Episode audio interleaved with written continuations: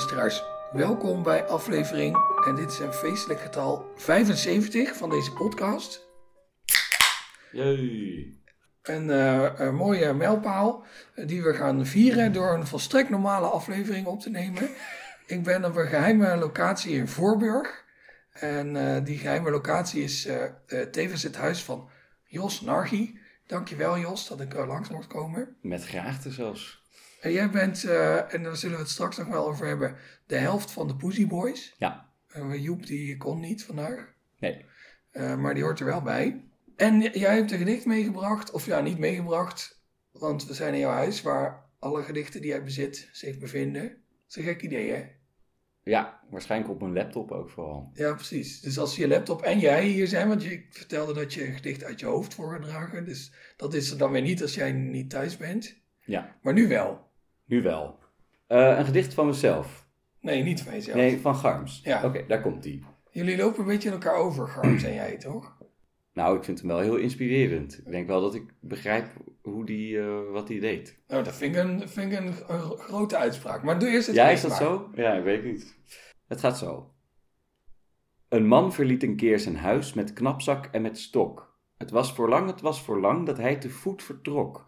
Hij keek niet op, hij keek niet om en volgde het rechte pad. Hij sliep nog dronk, hij dronk nog sliep, hij sliep nog dronk nog at. Eens liep hij in de morgenstond een bos in en sindsdien, van dat moment, van dat moment heeft niemand hem gezien. Maar als het ooit toch eens gebeurt dat u die man ontmoet, vertel het ons, vertel het ons, vertel het ons met spoed. Maar je kan hem ook zingen, Oh, nou, dat is misschien nog leuker. graag. Eh, eruit.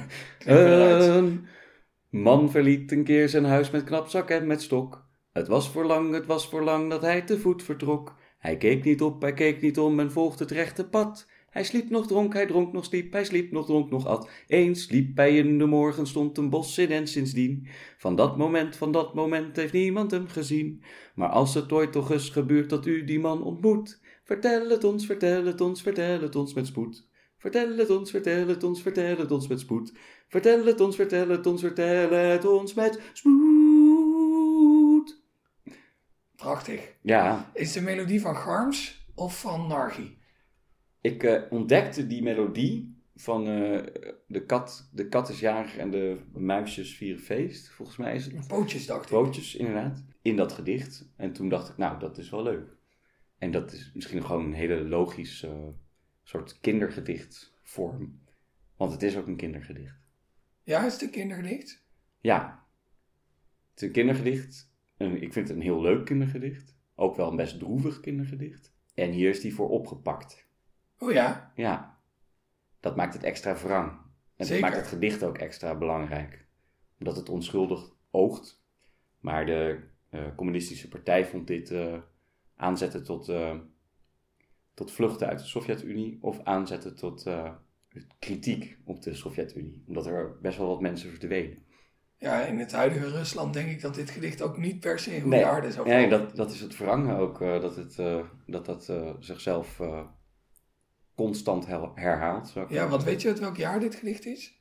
Ik denk 1935. Ja, 36 misschien. dat is een hoop, een hoop tijd voor weinig verandering. Of Ja. is weinig verandering voor zoveel tijd? Ja, er, er- volgens mij is er wel wat veranderd. En dat is nu weer weer, Ja, weer ja. op een andere manier weer terug veranderd. Het is, heeft wel iets Garmsiaans, dat iets verandert, maar dan verandert het weer terug. Zodat je eigenlijk niet kan zien dat het veranderd is. Maar als je het weet, dan is het die nieuwe gedaante, die hetzelfde is als de oude gedaante, toch nooit hetzelfde, omdat die verandering ertussen heeft gezeten. Of ga ik nu te diep? Alsof verandering een andere jas heeft aangetrokken. Nou, meer Of alsof, dezelfde jas. alsof iets, als het eenmaal iets anders is geweest, op alle fronten het weer hetzelfde kan worden als daarvoor, maar dan toch niet hetzelfde eh, is. Ja, Een beetje zoals eh, eh, terugkomen is niet hetzelfde als blijven. ja. Ik weet niet meer van wie die uitspraak is, maar vast van iemand. Ja, ik moet nu denken aan een soort allegorisch karakter verandering die de hele tijd verandert, maar toch hetzelfde blijft of zo. Alsof de verandering hetzelfde blijft. En hij probeert te veranderen, maar het lukt hem niet. Oh ja, dit is heel. Ik zie hier meteen weer een, een soort Pussy Boys voorstelling ontstaan eigenlijk. Is Oh, dit ja. hoe het werkt bij jullie? Dat je... Nou, we gaan wel gedichten uitpluizen en dan bedenken, wat, wat, is dit, wat is dit eigenlijk? En ook, wat is dit dan nu op dit moment voor ons? Misschien heb je die hele diepe laag die toen van het oude gedicht van Garms, misschien was dit wel iets, een reactie op, de, op, op eh, een nieuwsbericht eh, in die tijd. Dat zou best kunnen, maar dat weten we niet. Ja. En, en wat is Garms dan nu voor jou? Garms is voor mij een heel bijzondere inspiratiebron. Altijd al geweest. Al heel vanaf dat ik op de toneelschool zat en dat begon te lezen. Vooral zijn dagboeken. Dat ik dacht, oh ja, dit snap ik wel of zo. Of, eh, wat is Garms nog meer voor mij? Nu voor mij. Ehm, een portaal naar, ja, een lelijk woord bijna, vrijheid. Eh, volgens mij probeerde hij wel echt vrij te zijn tegen de klippen op. Dat, dat gevoel krijg ik er heel erg van. En, hij, en het lukt hem ook heel erg, vind ik. Ja, nou, eh, als ik. Eh, we, eh, ja, we hebben een voorstelling gemaakt over Garms. eh, over zijn kunstgroep eigenlijk. dus niet alleen over Garms. En we hebben heel veel gewerkt, we hebben heel veel zelf geschreven. En we gingen dan altijd heel veel eerst Garms lezen. Dus dan kom je in zijn ritme en zijn denkwijze. En ook wel de andere Obediuten van zijn kunstgroep, de Obediu. En dan kom je dus in een bepaalde, ja, bepaalde vrijheid. Zoals ik het soms heel bevrijdend vind om een kindervoorstelling te maken in plaats van een volwassenenvoorstelling. Ehm, omdat je dan meer vrijheid hebt, gek genoeg. En dat zit echt in je hoofd, denk ik ook. Los van, ga ik nu te hard, denk ik? Nee, het zit in je hoofd. Ja. Vrijheid zit natuurlijk uiteindelijk in je hoofd. Los van dat er ook gewoon eh, factoren zijn die vrijheid natuurlijk heel erg beperken. Zoals de maatschappij of zoals het, een, een regering of een... eh, Of de literaire traditie. Bijvoorbeeld, ja, dat kan ook heel beperkend zijn. En hij brak daar wel volgens mij keihard doorheen. En wel op zo'n manier dat het nu nog steeds heel modern voelt, gek genoeg. Ook al is het absurdisme. En dan doet hij dat beter dan Beckett, vind ik. Want dat voelt oud, oud, oudbolliger, gek genoeg. Ja, dat bedoelde ik ook toen ik zei dat hij was op zoek naar vrijheid en, dat, en dat, dat lukte hem ook heel erg om die te vinden. Dat die, het werk dat hij maakt, dat staat ja, niet volledig los van al het andere dat er is, maar wel bijna helemaal. Ja, Dat, dat een, een Garms kan eigenlijk bijna niks anders zijn dan een Garms. nee. Toch, stel nee je vindt, heel bizar. je vindt een document en je weet niet van wie het is. En je leest het en je denkt, dit is een Garms. Ja, Dat denk je alleen bij een daadwerkelijke Garms. En niet bij een Poeskin. nee. Of een eh Vinkenoog. Nee, dat zou ook nog een van de andere hippie geweest kunnen zijn. Ja, precies. Ja, niks nadele Niks- van Poeskin of Vinkenoog. Nee, zeker maar niet. Nee, ik zal zeker niet uh, Vinkenoog willen... Een Garms is een Garms. Is een Garms. Ja. Grappig is dat. Eh, terwijl het zo simpel is. En briljant, Ja. eigenlijk. Want het is hondsmoeilijk, denk ik. Om dat zo... Ja. Nou, hij schreef heel veel, hè. Dus hij schreef elk... Zijn bedoeling was, in ieder geval tijdelijk, om altijd in zijn blauwe schrift, hij had een blauwe schrift, meerdere waarschijnlijk, maar die, die dan elke dag, hij vond dat hij elke dag moest schrijven en als hij dan niet schreef, schreef hij dat hij niets had geschreven.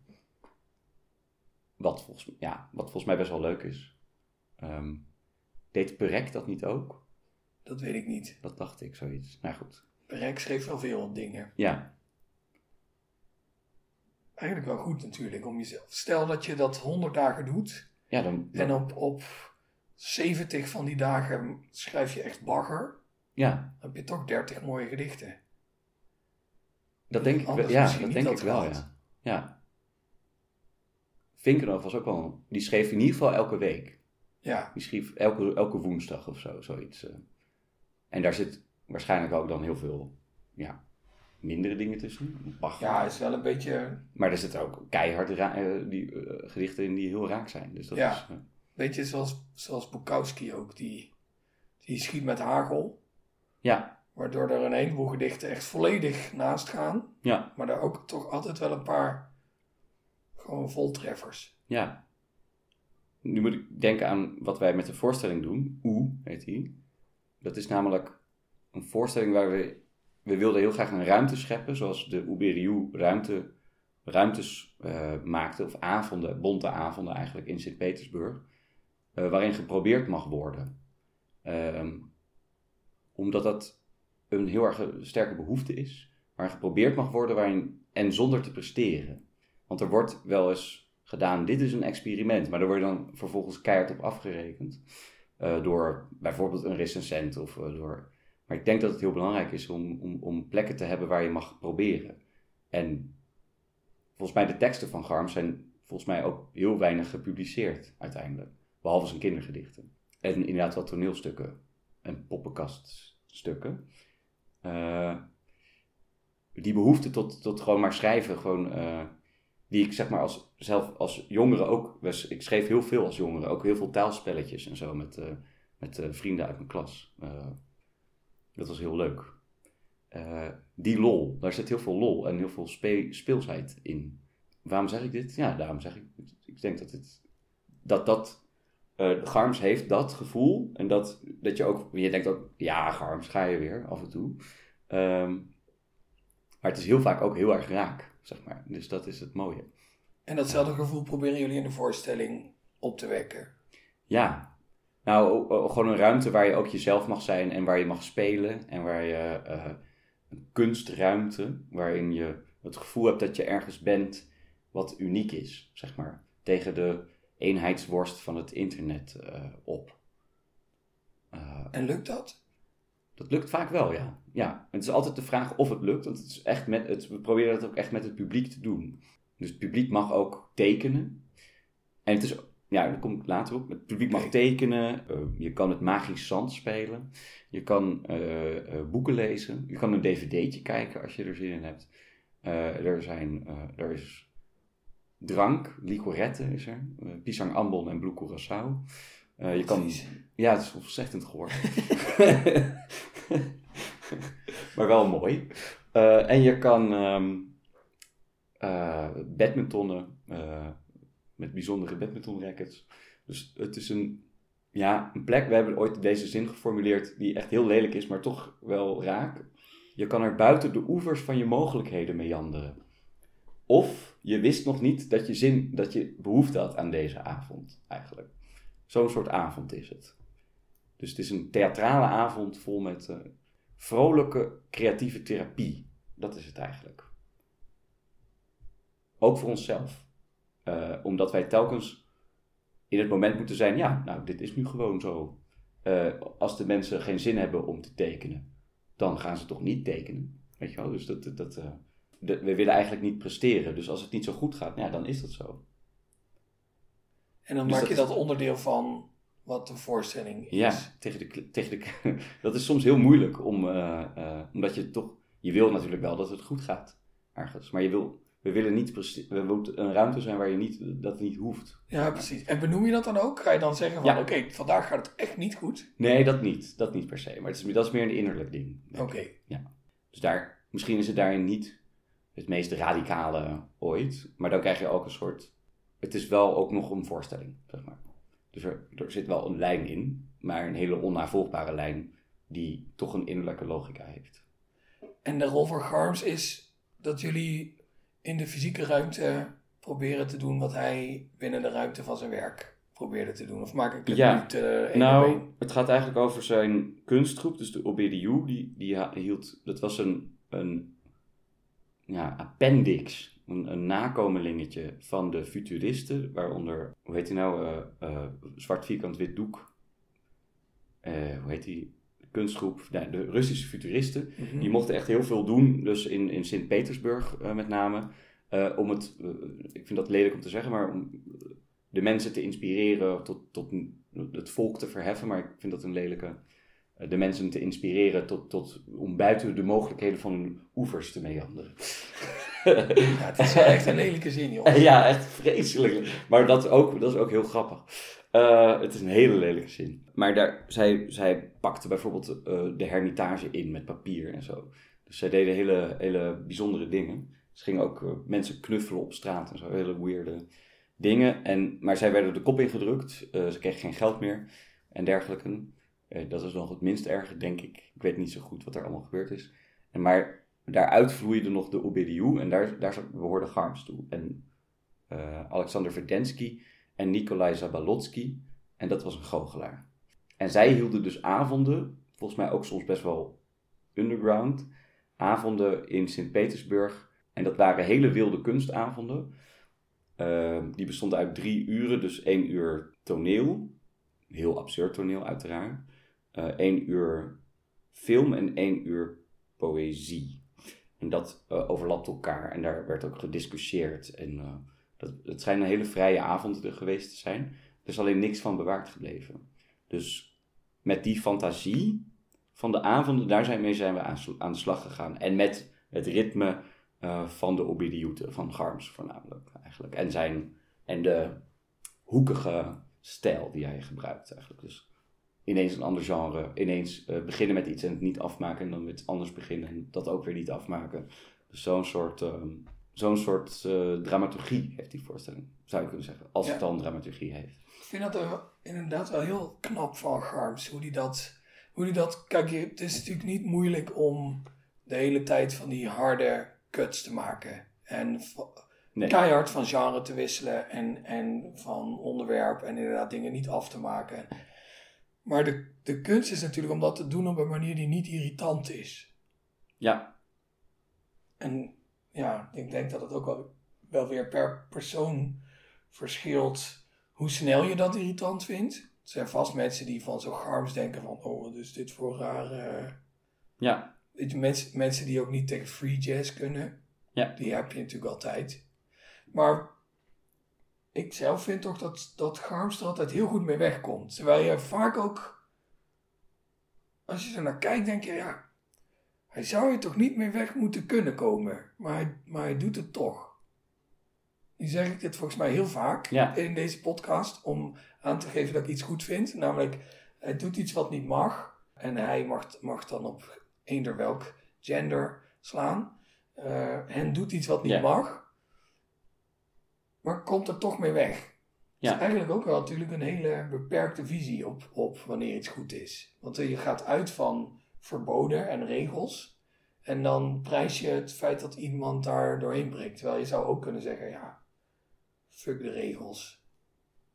Ja, die ja. zit niet echt een vraag in, geloof ik, aan jou. Nou, nee, ik kom wel op iets anders, denk ik, hierdoor. Want waarom het goed is. Nou ja, ik moet er altijd ik, uh, hard op lachen, nog steeds. Uh, ook als ik teksten weer opnieuw lees, gewoon echt hard op lachen. Dat, nou, dat doe, dan doe je iets goeds, toch, als, een schrijver, als schrijver. Zonder dat het platte humor is. Behalve dat het soms zo plat is dat het weer grappig wordt. Zoals, ik kan een voorbeeld noemen daarvan, dat zo'n heel verhaal over dat iemand was gebroken en zijn been had gevallen een rechtszaak. Dat heet een Amerikaans verhaal volgens mij. Dat is een rechtszaak en dan iemand had dan zijn been gebroken en dat kwam door die ander. En die ander zei, nee, dat kwam niet door mij. En, die, en dan zei hij, ja, wel, dat kwam door jou, want jij was een abattoir binnengegaan. Had daar een, een uier afgesneden, van een, een speen van een uier van een koe afgesneden. En die heb je uit je, uit je gulp gehangen. En toen zag ik dat en daar schrok ik toen zo van dat ik mijn been had gebroken. Einde. ja, kijk, het is heel plat, maar toch ook weer grappig. Ja. Dat is het rare. Misschien speelt hij daar wel mee met uh, hele harde. Maar dat wou ik niet zeggen. Wat ik wil zeggen is dat bijna iedereen die ik ken vindt hem goed, vindt hen goed. Uh, fuck dat. Hij speelde trouwens, uh, hen, hij speelde ook heel veel met gender en oh, ja. ja. Hij was ook best wel. Ik denk dat hij heel erg macho was, maar ook een soort van queer in een zekere zin. Um, dat terzijde, maar dat, dat, zo, uh, zo stel ik me dat het liefste voor, eigenlijk. Dus mensen die heel erg van literatuur houden, vinden hem geweldig. Maar mensen die helemaal niks met literatuur hebben, vinden het ook geweldig. Dat merk ik. En dat, nou ja, dat zegt wel iets. Dus dat het heel universeel is en heel grappig. En het lijkt heel erg op uh, cartoons. Cartoon Network-achtige humor. Ja, een beetje Looney Chicken. Ja, ook dat. Roadrunner. Maar dan uh, iets, een soort, ja dat, maar, ja, maar ook Cow Chicken of zo. Ja, Courage the Cowardly Dog. Ja, zo dat meer eigenlijk. Van die cartoons, waar dat, als je die nu kijkt, dat je denkt, waarom dacht ik als kind niet wat vaker, what the fuck? Ja. Rocco's Modern Life is er ook zo een. Oh ja. Dat je, die, dat je het zit te kijken en dat je toch een beetje het gevoel hebt dat je koorts hebt. Ja, Je zei trouwens net een hele Garmsiaanse zin. Je zei namelijk, eh, iemand was gebroken en zijn been was gevallen. Dat vond mooi. dat? Ja, dat zei je. ja. Top. Ja, ik, ga, ik val nu al in, in duizend balletjes uiteen. Ja, perfect. Ja, Dat is wat Garms met je doet. ja. Zou jij de luisteraars ook nog een keer een duizend balletjes uiteen willen laten vallen door het gedicht van Garms nog een keer te laten horen? Nog een keer, ja? Oh ja, dat was ik vergeten te zeggen van tevoren. Dat doe ik altijd. Dat gaan Dus we doen. eerst één keer aan het begin en dan nog één keer aan het eind. Ja. Want nu weet iedereen heel veel over Garms Ja. dat ze daarvoor nog niet wisten. En dan kunnen ze nu met een nieuw perspectief naar Vet. luisteren. Ja, Doen we straks met jouw gedicht ook nog een keer. dit is helemaal eh, het werk van de, van de Boozy Boys, hè? Wat, Ja? wat je nu, ja, dat is misschien jouw werk ook. Nou, daar gaan we het zo over hebben. Eerst Ja. het gedicht. Zingend? Ja, ik ga hem zingen. denk Oké. Of gewoon, nee, ik ga hem gewoon de tekst doen. Oké. Een man verliet een keer zijn huis met knapzak en met stok. Het was voor lang, het was voor lang dat hij te voet vertrok. Hij keek niet op, hij keek niet om en volgde het rechte pad. Hij sliep nog dronk, hij dronk nog sliep, hij sliep nog dronk nog at. Eens liep hij in de morgenstond een bos in en sindsdien, van dat moment, van dat moment, heeft niemand hem gezien. Maar als het toch ooit eens gebeurt dat u die man ontmoet, vertel het ons, vertel het ons, vertel het ons met spoed. Ik heb dit gedicht ook vertaald voor mijn oma, denk ik. Oh ja, Die is Duits, dus dat, dit lukte net. met behoud van een andere- metrum. Ja, Kun je ja best ne- net, net een andere. eh, Oh ja. iets, maar bijna wel eigenlijk, ja. Geen volledig perfecte rijm. Oh maar ja. dat maakt me geen fuck uit. Nee joh, dat maakt Het ruikt uit. wel eh middenrijm, of, of halfrijm. Zeg maar. Maar eh, mijn dichtgetimmerde concept voor deze podcast, dat ik al 75 afleveringen gebruik, dat vertoont volgens jou overeenkomsten met de werkwijze van de Pussy Boys. Ja, Vertel. als je een gedicht in een juiste context zet en dat ook inderdaad laat horen, waar we ook heel erg van zijn, dan gaat het gedicht anders werken.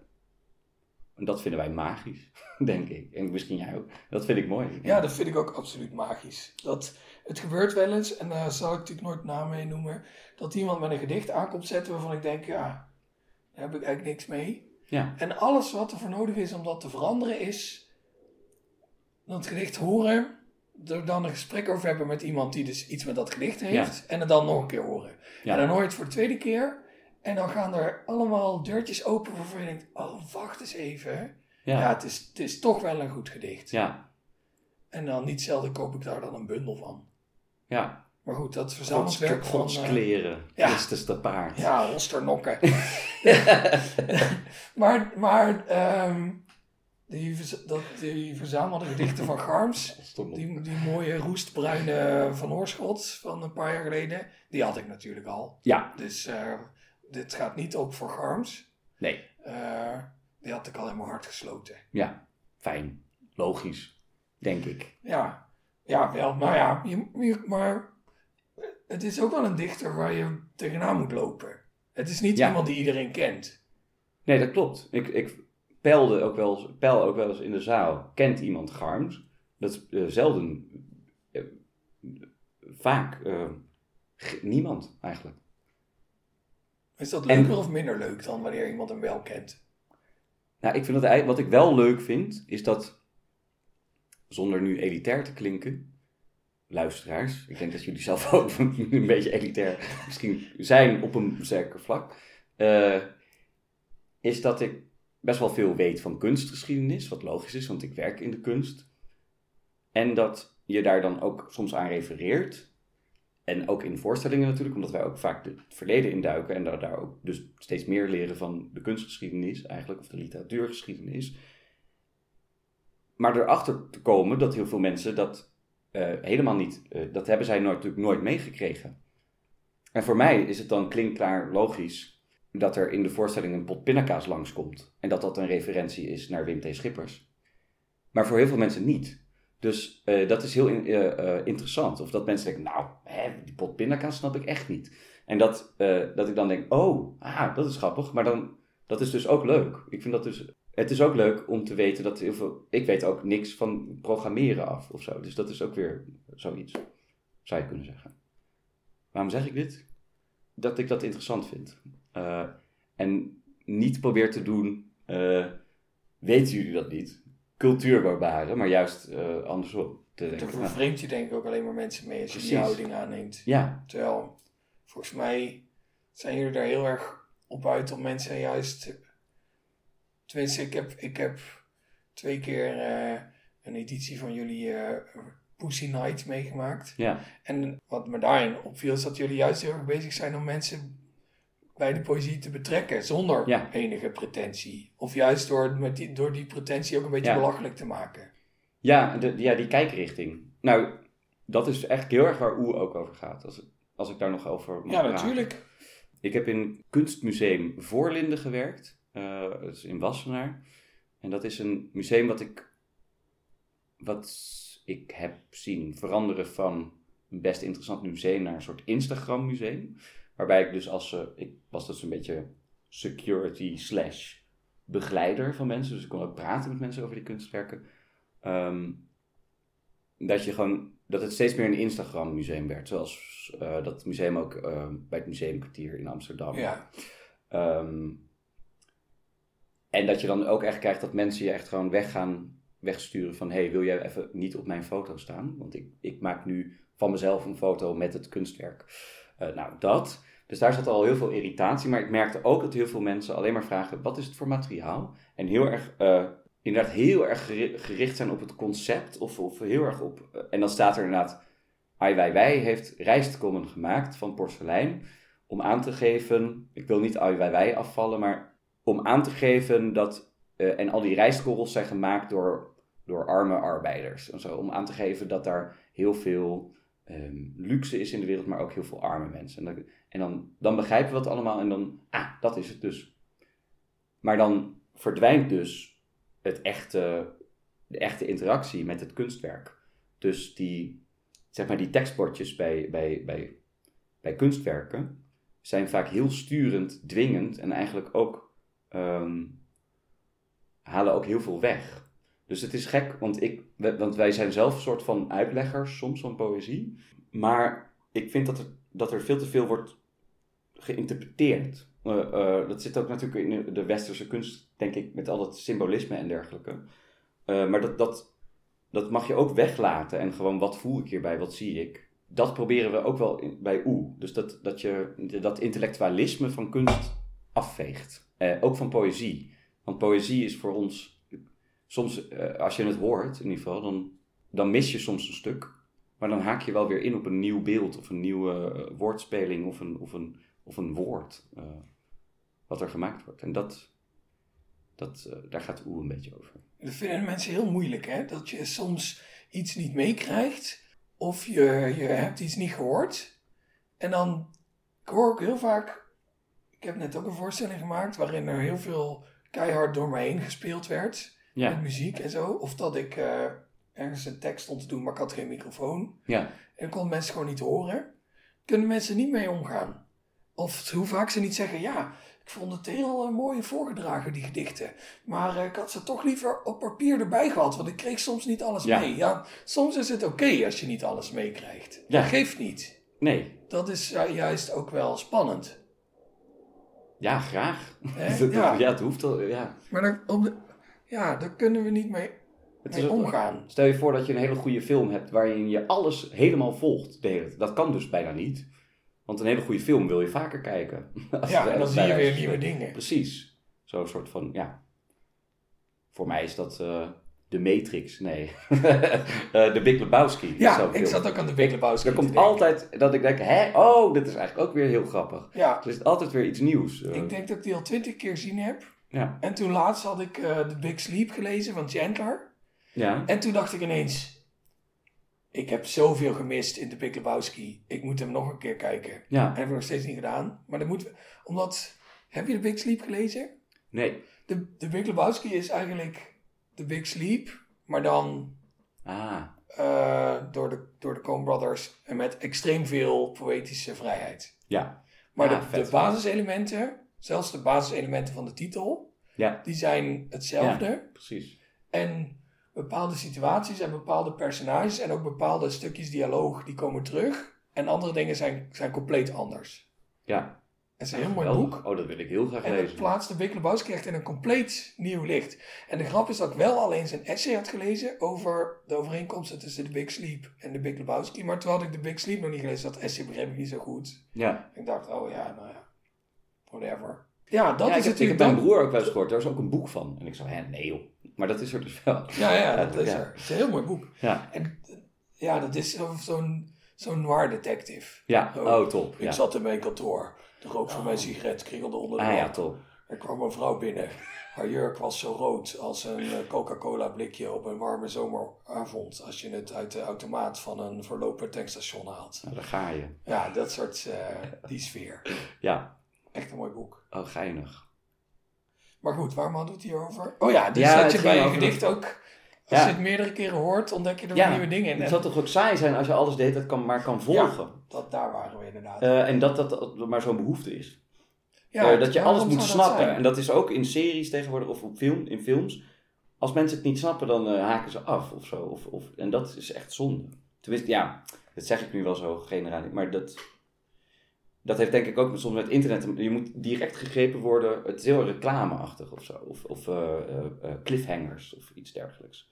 Misschien gebruiken wij een absurdistisch cliffhanger principe in de voorstelling. Bedenk ik me nu. Dus toch. Ja, dus toch. Godverdomme. Eigenlijk een hele commerciële voorstelling. Ehm, hey, maar jij hebt ook een gedicht van jezelf meegenomen. Zouden we nog bijna vergeten. Ja. Maar niet helemaal. Ja. En jij hebt, jij hebt ook een soort, een soort eh, scoop, annex, Ja. bekentenis. Ja. Die bij dit gedicht hoort. Ik heb dit niet besproken met, de, met mijn eh, collega-makers, maar ik ga het eh, toch doen. Ook omdat ik eh, gewoon dit gedicht graag wil lezen. En je kan niet meer leven met het geheim. Nee, nee. Zie je het doet te veel pijn. Nee, het is wel grappig. Ik heb de- van de zomer de voorstelling IJsveugel gemaakt met de Pussy Boys en Joost Omen en Willy Dark Trousers. En de extreem obscure dichter IJsveugel, Jurgi IJsveugel, eh, bestaat niet. IJslandse dichter, die niet bestaat. Eh, we hadden een totaal eh, bullshit verhaal eigenlijk bedacht. Ehm, met als reden eigenlijk dat Joost Omen ooit tegen, tegen ons, de Pussy Boys, zei... Jullie zijn lui, want jullie schrijven zelf nooit gedichten. Jullie lenen ze altijd van een ander en vertellen er dan een leuk verhaal bij. Toen dachten we, nou, dan, dan gaan we dat zelf maar eens een keer doen. Dus dat heb ik ook gedaan, eh, onder andere. En dit is dan een gedicht dat ik heb geschreven vanuit IJsveugel. En dat heet... IJsveugel zegt sorry tegen de dingen. Sorry postzegel, dat ik je altijd achterloos heb gelikt zonder daar iets van romance bij te voelen. Sorry enveloppen voor datzelfde. Sorry vuilnisbak dat ik je altijd wat kwaaiig heb geleegd. Sorry potlood dat ik je in tweeën brak. Sorry fiets dat ik je liet verroesten. Sorry geld dat ik altijd met je smeet en heel mijn leven niet mijn best heb gedaan om je te verdienen. Sorry scheermes dat ik je te weinig gebruikte en op je schold als je me per ongeluk sneed. Sorry broek dat ik de gaten in je heb laten vallen. Sorry schoenen dat ik je nooit poetste behalve voor begrafenissen. Sorry neus dat ik je met van alles volstopte, vooral die ene keer met dat ertje, hè, dat was me wat. Sorry rekeningen die ik verbrandde. Sorry planten dat ik jullie zelden water gaf. Sorry bomen dat ik jullie nooit een knuffel gaf. Sorry schaar dat ik ooit mijn polsen met je doorsneed. Sorry tabak voor het pruimen en uitspuwen. Sorry aansteker dat ik je altijd verduisterde. Sorry pannen dat ik jullie maar al te vaak zwart blakerde. Sorry bed dat ik alleen in je lag als ik moe was. Sorry ruiten voor het inkinkelen. Sorry huis dat ik je heb verwaarloosd. Sorry deur dat ik de gaten trapte in je. Sorry deurmat, ik heb jou nooit gehad. Sorry speelgoed en cadeaus als ik jullie me niet meer kan herinneren. Sorry ogen dat jullie vaak zo boos stonden. Sorry brood dat ik je vaak smakeloos en met gedachten elders opat. Sorry kleren voor het vlekken, sorry kussen voor het kwijl, sorry lamp voor het onnodig laten branden. Sorry kachel voor het ongegeneerd stinkende en natte kleren op je plensen. Sorry dingen, sorry alle dingen, sorry alle dingen, sorry. Sorry bestek dat ik jullie nooit in het juiste laadje legde. Dankjewel. Alsjeblieft. Behalve om eindelijk toe te kunnen geven dat je, jij dit geschreven Ja. hebt. Waarom heb je dit gedicht uitgekozen? Eh, ik vond het gewoon leuk om, om die omhulling te doen. Oh ja, dat was gewoon de enige Ja, reden. eigenlijk wel, ja. Oh ja. En ehm, jullie hebben die voorstelling gemaakt over Jurgi IJsvogel. Ja, En he- hebben, hebben Joost en Joep dan ook gedichten van Jurgi IJsvogel gemaakt? Eh, Joost ook. Oh ja. Ja. Maar Joep niet. Joep niet. Oh, Willy heeft, Willy heeft er ook oh eentje. Willy ook. Oh ja. Willy heeft er eentje geschreven. En was het, hebben jullie ook je best gedaan om die dan een soort gezamenlijke poëtica te geven? Of was IJsvogel gewoon heel eclectisch? Nee, het had wel eenzelfde, het had wel eenzelfde smaak. Dus, ehm, Jullie hadden wel een poëtica ontworpen voor Jurgi IJsvogel. nou, niet per se, dit is eigenlijk eh, niet per se een soort een stijl, maar wel een, een, een, een beetje een donkere, wolkige, ehm, best wel romantiek, toch wel. Moderne romantiek of zo. Dus, dus van een soort rom- modern romantisch figuur. eh, dat dan overal opduikt en eigenlijk nergens thuis hoort. En eh, best wel een tragisch figuur ook. En uiteindelijk heeft hij in, eh, je zult het niet geloven, maar in Madagaskar heeft hij dan echt een prachtig en heel jubelend gedicht geschreven. Ehm, En dat was aan Joost Omen, neem ik aan. nee, wacht, Oh. dit, dit dat, nee, wacht even. Nee, dit, was, dit is in Madagaskar. Oh, dit is het Dit hebben wij jubelende- ver- ver- nee, dit is eigenlijk niet een jubelend gedicht, maar wij, wij maakten eigenlijk een jubel van wat die alle, waarom die in Madagaskar was. Oh ja. En dat was eigenlijk stiekem een gedicht van Joost ook. Ja, Eh, ik dacht als er gejubeld wordt en Joost Omen doet mee, dan jubelt Ja. Joost. Nee, wij jubelden. Dit Ja, keer jubelden de Pussy Boys. Oh ja, oké. Ja, Oh, jullie maar hij had het gemaakt. ja. maar dat, dat hebben mensen niet ervaren als, of dat was niet Nee. aangekondigd een gedicht, maar dat was het uiteindelijk wel. Oh, dat was gewoon, ja, oké. Ja. Ja. oké, dit doet op zich allemaal helemaal niet ter zake, Nee. maar we hebben het er toch over, Nee, omdat ik erover begon. Ja. Nee, dit is een gedicht waar ik wel op zich wel redelijk trots op ben. Of dat er zo broep in één keer uit een pen vloeide. Daar was ik wel blij mee, of zo. Dat, ja. Kijk, mijn gedichten zijn... Ik, ik voel me altijd een... alsof ik... eh, hoe heet dat? Alsof ik niet weet hoe het moet, maar ik doe het wel en af en toe schiet ik misschien een beetje raak of zo. Maar daardoor, daar- ik, wil dat, ik ben ook geen dichter, of ik wil me zo zelf niet zo noemen, maar ik schrijf wel gedichten, laat ik het zo zeggen. En waarom wil je jezelf dan geen dichter noemen? Ik denk dat ik dat volgend jaar wel ga doen. Oké, maar volgend jaar ga ik niet? het. Ik heb het zo lang mogelijk geprobeerd om dat niet iets te laten zijn wat ehm, heel veel druk met zich meegeeft. Dat het meer iets is wat ik voor het leuke doe en wel goed in ben, zeg maar. Oh ja, en dus, dus op het moment dat je je dichter noemt, dan zit er een soort druk achter en Ja. dan is het niet meer leuk. Dan Ja. is het onderdeel van wie je bent of van je werk. Of, eh, Ja. is dat het? Misschien is dat het, ja. Maar misschien is dat ook een manier om ernaar te kijken. Ja, Dat is denk ik dat sowieso, ja. en is dat dan ook een reden waarom je dus vooral bezig bent met het vertolken van het werk van anderen? Eigenlijk zijn jullie binnen de poëzie scene een soort Cover, coverband. Wel Ja. een hele goeie. Dat wil ik ook Ja, wel weer meteen bij zeggen. Ja, ergens, dat klopt. Ja, het is de kritiek ook waar IJsvogel is uit ontstaan. Die, ik ben er ook er ergens mee eens. Aan de andere kant kunnen wij wel ook heel goed performen. Waardoor we die, als het gaat om de orale traditie van gedichten, zijn we, maken we theater met gedichten. Wat dan weer, weer heel bijzonder is. Maar ik ben, en in een zekere zin zijn we een coverband, want we werken niet met ons eigen materiaal. Maar we maken daar uiteindelijk wel een hele tekst van. En een hele context en een heel... Dus we bedenken daarom rondom een concept. Dus ik weet niet of er Beatle coverbands zijn die een heel concept bedenken. En, Ja, en, je en- hebt en een daarover Beatle vaststellen. coverband die als concept hebben dat ze Om die sound zo precies mogelijk na willen maken door ook instrumenten uit de tijd. Oh ja, te een soort reenact, niet- reena- Beatle reenactors. Ja, maar dat ben je meer aan het, aan het larpen dan dat je echt een concept... Ja. Want jullie voegen iets toe natuurlijk. Dat, dat, dat hoop ik wel. jullie pakken ja. een nummer van de Beatles en een nummer van Kylie Minogue. En dat weten jullie op de een of andere manier Ja. een logische combinatie te maken. Ja, en we gaan niet, we duiken wel de geschiedenis in ook, maar het gaat, we spiegelen het altijd aan wat wij ervan vinden en wat, wat dat ook zegt weer over de maatschappij, zonder eh, eh, te politiek te zijn, zonder daar te veel een vinger eh, te heffen en te, ehm, dat meer te laten ervaren of zo. Dus het is meer de mogelijkheid te bieden om, om daar iets van te vinden of te voelen en te inspireren. Dus eigenlijk doen we wat heel veel acteurs, theatermakers doen, namelijk teksten lenen of andere mensen teksten laten schrijven. En daar dan iets mee doen. Alleen dan zijn dit een beetje onconventionele teksten, zeg maar. Ja, En poëzie, want wij houden heel erg van poëzie. Ja. Dus, eh, dat is, wat mij betreft, poëzie-performance is wat mij betreft een soort nieuw subgenre of zo. Ik weet niet of het, het zal vast niet nieuw zijn, maar hoe wij het doen wel. Wel zeldzaam, denk ik. Ja, dat denk ik ook. Ook, ook zonde, zonde hoe zeldzaam het is. Vinden wij ook. we- In het theater is het heel normaal dat je, dat je Ja. dat Ivo van Hoven niet zijn eigen teksten schrijft, maar Ja. gewoon teksten pakt die er al zijn. En dan gaat ook niemand zeggen, oh, Ivo van Hoven is eigenlijk een soort coverband. Dat is die wel eigenlijk. Ja, eigenlijk wel. Wel een goeie. Ik Maar, weet niet of je ja, luistert. Ivo, Stinkbelg.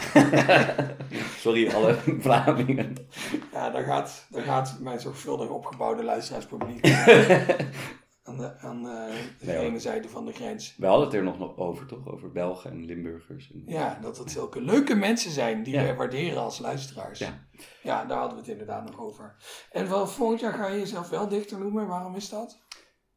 Ik heb volgend jaar best wel wat tijd en ik wil heb zin om me te ontwikkelen, rare underground dingen te doen, eh, zodat ik mezelf. eh, ik heb zin om mezelf te vernieuwen. Dat klinkt raar. Oh, Nee, het is- klinkt helemaal niet raar, maar eh, ik ben een kunstenaar en daarom, moet je, daarom vind ik dat ik dat doe, moet Ja. doen. En de nieuwe Jos is dichter.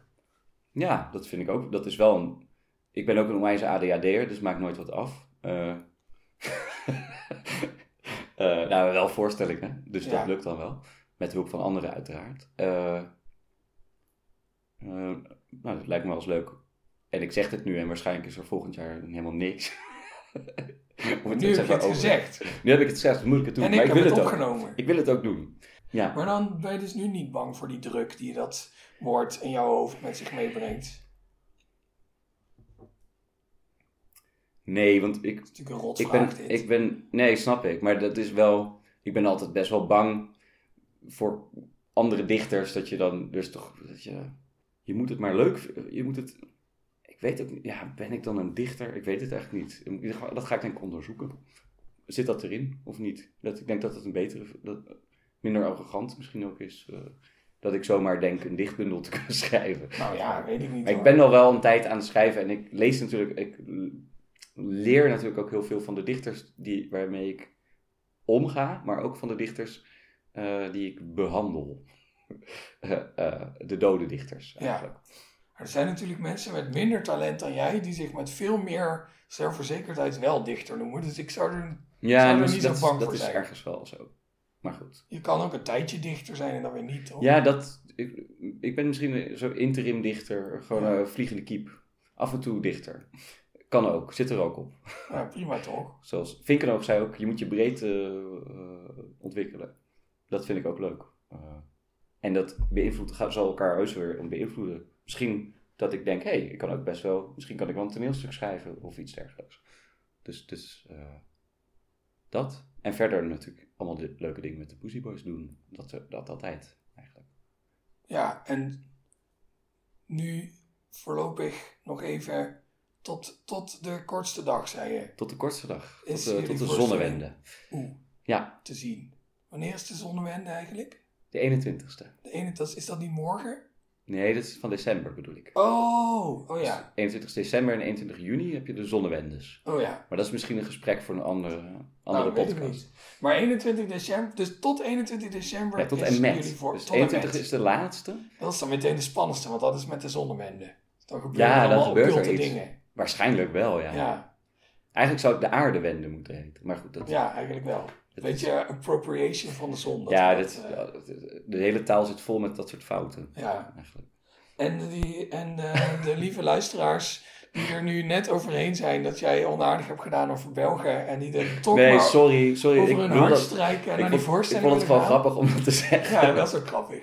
Eh, maar waar kunnen ze de speellijst vinden? Ook omdat ik pas, volgens mij vorig jaar erachter kwam dat, het- dat hij een Vlaming is. Ja, Dat ik nu niet zo net, jij dat zei. Ja, Dus, ja. Misschien is het niet zo. Fake news.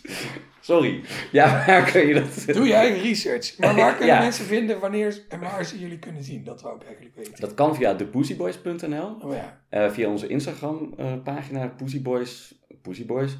En Facebook Pussyboys. Ik heb, kan wel even de data eh, sowieso 1 en 2 december in Kikker in Utrecht. Volgende, nee, volgende week werkt niet. Nee, dat klopt. Oké, zal ik even een agenda pakken? Eh, nee, ik zet wel een link in de omschrijving van de aflevering. Ja, volgende week in eh, eh, De Lieve Vrouw in Amersfoort. Ga daar vooral heen, dat wordt ook een feest. Er komen ook allemaal absurdisten. Oh, kijk. Dus ik ben benieuwd wat, dat gaat, wat voor sfeer dat brengt. En dan staan we ook nog 9 en 10 in Amsterdam, In Bellevue. in Bellevue. En, daar zijn ook, en, en ook nog in Haarlem. Dus de, dus de Amsterdammer kan, hoeft zijn stad niet uit als dat uitverkocht is. Want het is een kleine zaal. Dan kan je altijd nog je toevlucht in Utrecht of Haarlem vinden. Dan moet je dus wel de stad uit. Dan moet je net de stad uit. Ja. Haarlem valt, is bijna niet de stad uit. Nee, bijna niet. Ja. Ehm, nou, En dan Den Haag nog als afsluiter. Oh ja. Ja. Is, eh, En Groningen ook nog. en trouwens ook. Groningen. Nou, jullie krijgen het nog druk tot aan de Het zonnewende. wordt hartstikke druk. En daarna eh, Kerstvieren. rusten. Rusten op je lauw. nee. nee, het is een, echt een heel erg... Ik ben, sorry dat ik het van mezelf zelf hoor, maar dit is wel ja, het beste wat we tot nu toe gemaakt hebben, vind ik. Eh, zonder, en het was juist niet de bedoeling dat we dat zouden dat vinden. Dus eigenlijk moet hij dit niet zeggen. Het is gewoon een heel mooie voorstelling. Een heel fijn iets waarin iedereen eh, hopelijk eh, buiten de oevers van diens mogelijkheden kan meanderen. Zou je in, in voorbereiding op je aanstaande dichterschap... het, is zo, zo, het is zo'n lelijke zin dat ik hem weer grappig vind. ja, zo. ja, Nou goed, sorry. Oké, is ook wel. Maar zou je je gedicht nog een keer willen lezen? Daar Ja. wou ik naartoe. ja. IJsveugel zegt sorry tegen de dingen. Sorry postzegel dat ik je altijd achterloos heb gelikt zonder daar iets van romance bij te voelen. Sorry enveloppen voor datzelfde. Sorry vuilnisbak dat ik je altijd wat kwaaiig heb geleegd. Sorry potlood dat ik je in tweeën brak. Sorry fiets dat ik je liet verroesten. Sorry geld dat ik altijd met je smeet en heel mijn leven niet mijn best heb gedaan om je te verdienen. Sorry scheermes dat ik je te weinig gebruikte en op je schold je me per ongeluk sneed. Sorry broek dat ik de gaten in je heb laten vallen. Sorry schoen dat ik je nooit poetste behalve voor begrafenissen. Sorry neus dat ik je met van alles volstopte, vooral die ene keer met dat ertje, hè, dat was me wat. Sorry rekeningen die ik verbrandde. Sorry planten dat ik jullie zelden water gaf. Sorry bomen dat ik jullie nooit een knuffel gaf. Sorry schaar dat ik ooit mijn polsen met je doorsneed. Sorry tabak voor het pruimen en uitspuwen. Sorry aansteker dat ik je altijd verduisterde. Sorry pannen dat ik jullie maar al te vaak zwart blakerde. Sorry bed dat ik alleen in je lag als ik moe was. Sorry ruiten voor het inkinkelen. Sorry huis dat ik je heb verwaarloosd. Sorry deur dat ik de gaten trapte in je. Sorry deurmat, ik heb jou nooit gehad. Sorry speelgoed en cadeaus als ik jullie me niet meer kan herinneren. Sorry ogen dat jullie vaak zo boos stonden. Sorry brood dat ik je vaak smakeloos en met gedachten elders opat. Sorry kleren voor het vlekken. Sorry kussen voor het kwel. Sorry lamp voor het onnodig laten branden. Sorry kachel voor het ongegeneerd stinkende en natte kleren op je plensen. Sorry dingen, sorry dingen, sorry alle dingen, sorry. Sorry bestek dat ik je nooit in het juiste laadje legde. Dankjewel, Jos. Nargi. Met graagte. Dit was aflevering 75 van de Poëziepodcast, op naar de 100. De Poëziepodcast wordt gemaakt door mij, Daan Doesborg, in samenwerking met de Stichting Literaire Activiteiten Amsterdam. Volgende maand is het weer tijd voor de traditionele, feestelijke, superlange, met glühwein overgoten kerstspecial. Waarin we weer allemaal rare dingen eh, gaan doen die ik hier niet zal verklappen. Eerst en vooral omdat ik het zelf nog niet weet wat, het precies, wat we precies gaan doen. Dat is ook voor mij nog een verrassing, maar dat is ook beter. Eh, tot die tijd eh, moeten jullie het doen met de muziek bij deze podcast, die gemaakt wordt door Bart de Vrees. Heel graag tot volgende maand.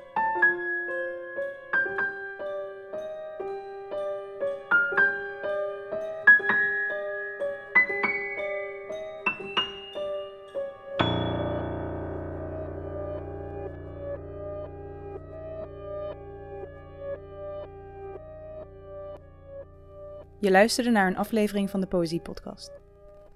Daan Doesborg is schrijver en presentator. In 2010 werd hij Nederlands kampioen Poetry Slam. Momenteel werkt hij aan zijn debuutroman, die zal verschijnen bij uitgeverij Van Oorschot. De Poëzie-podcast wordt mede mogelijk gemaakt door de Stichting Literaire Activiteiten Amsterdam. Bij ons draait alles om literatuur. We maken programma's voor de hele stad, online en offline. Al onze podcasts zijn ook te beluisteren via onze website www.sla.nl/slaakast.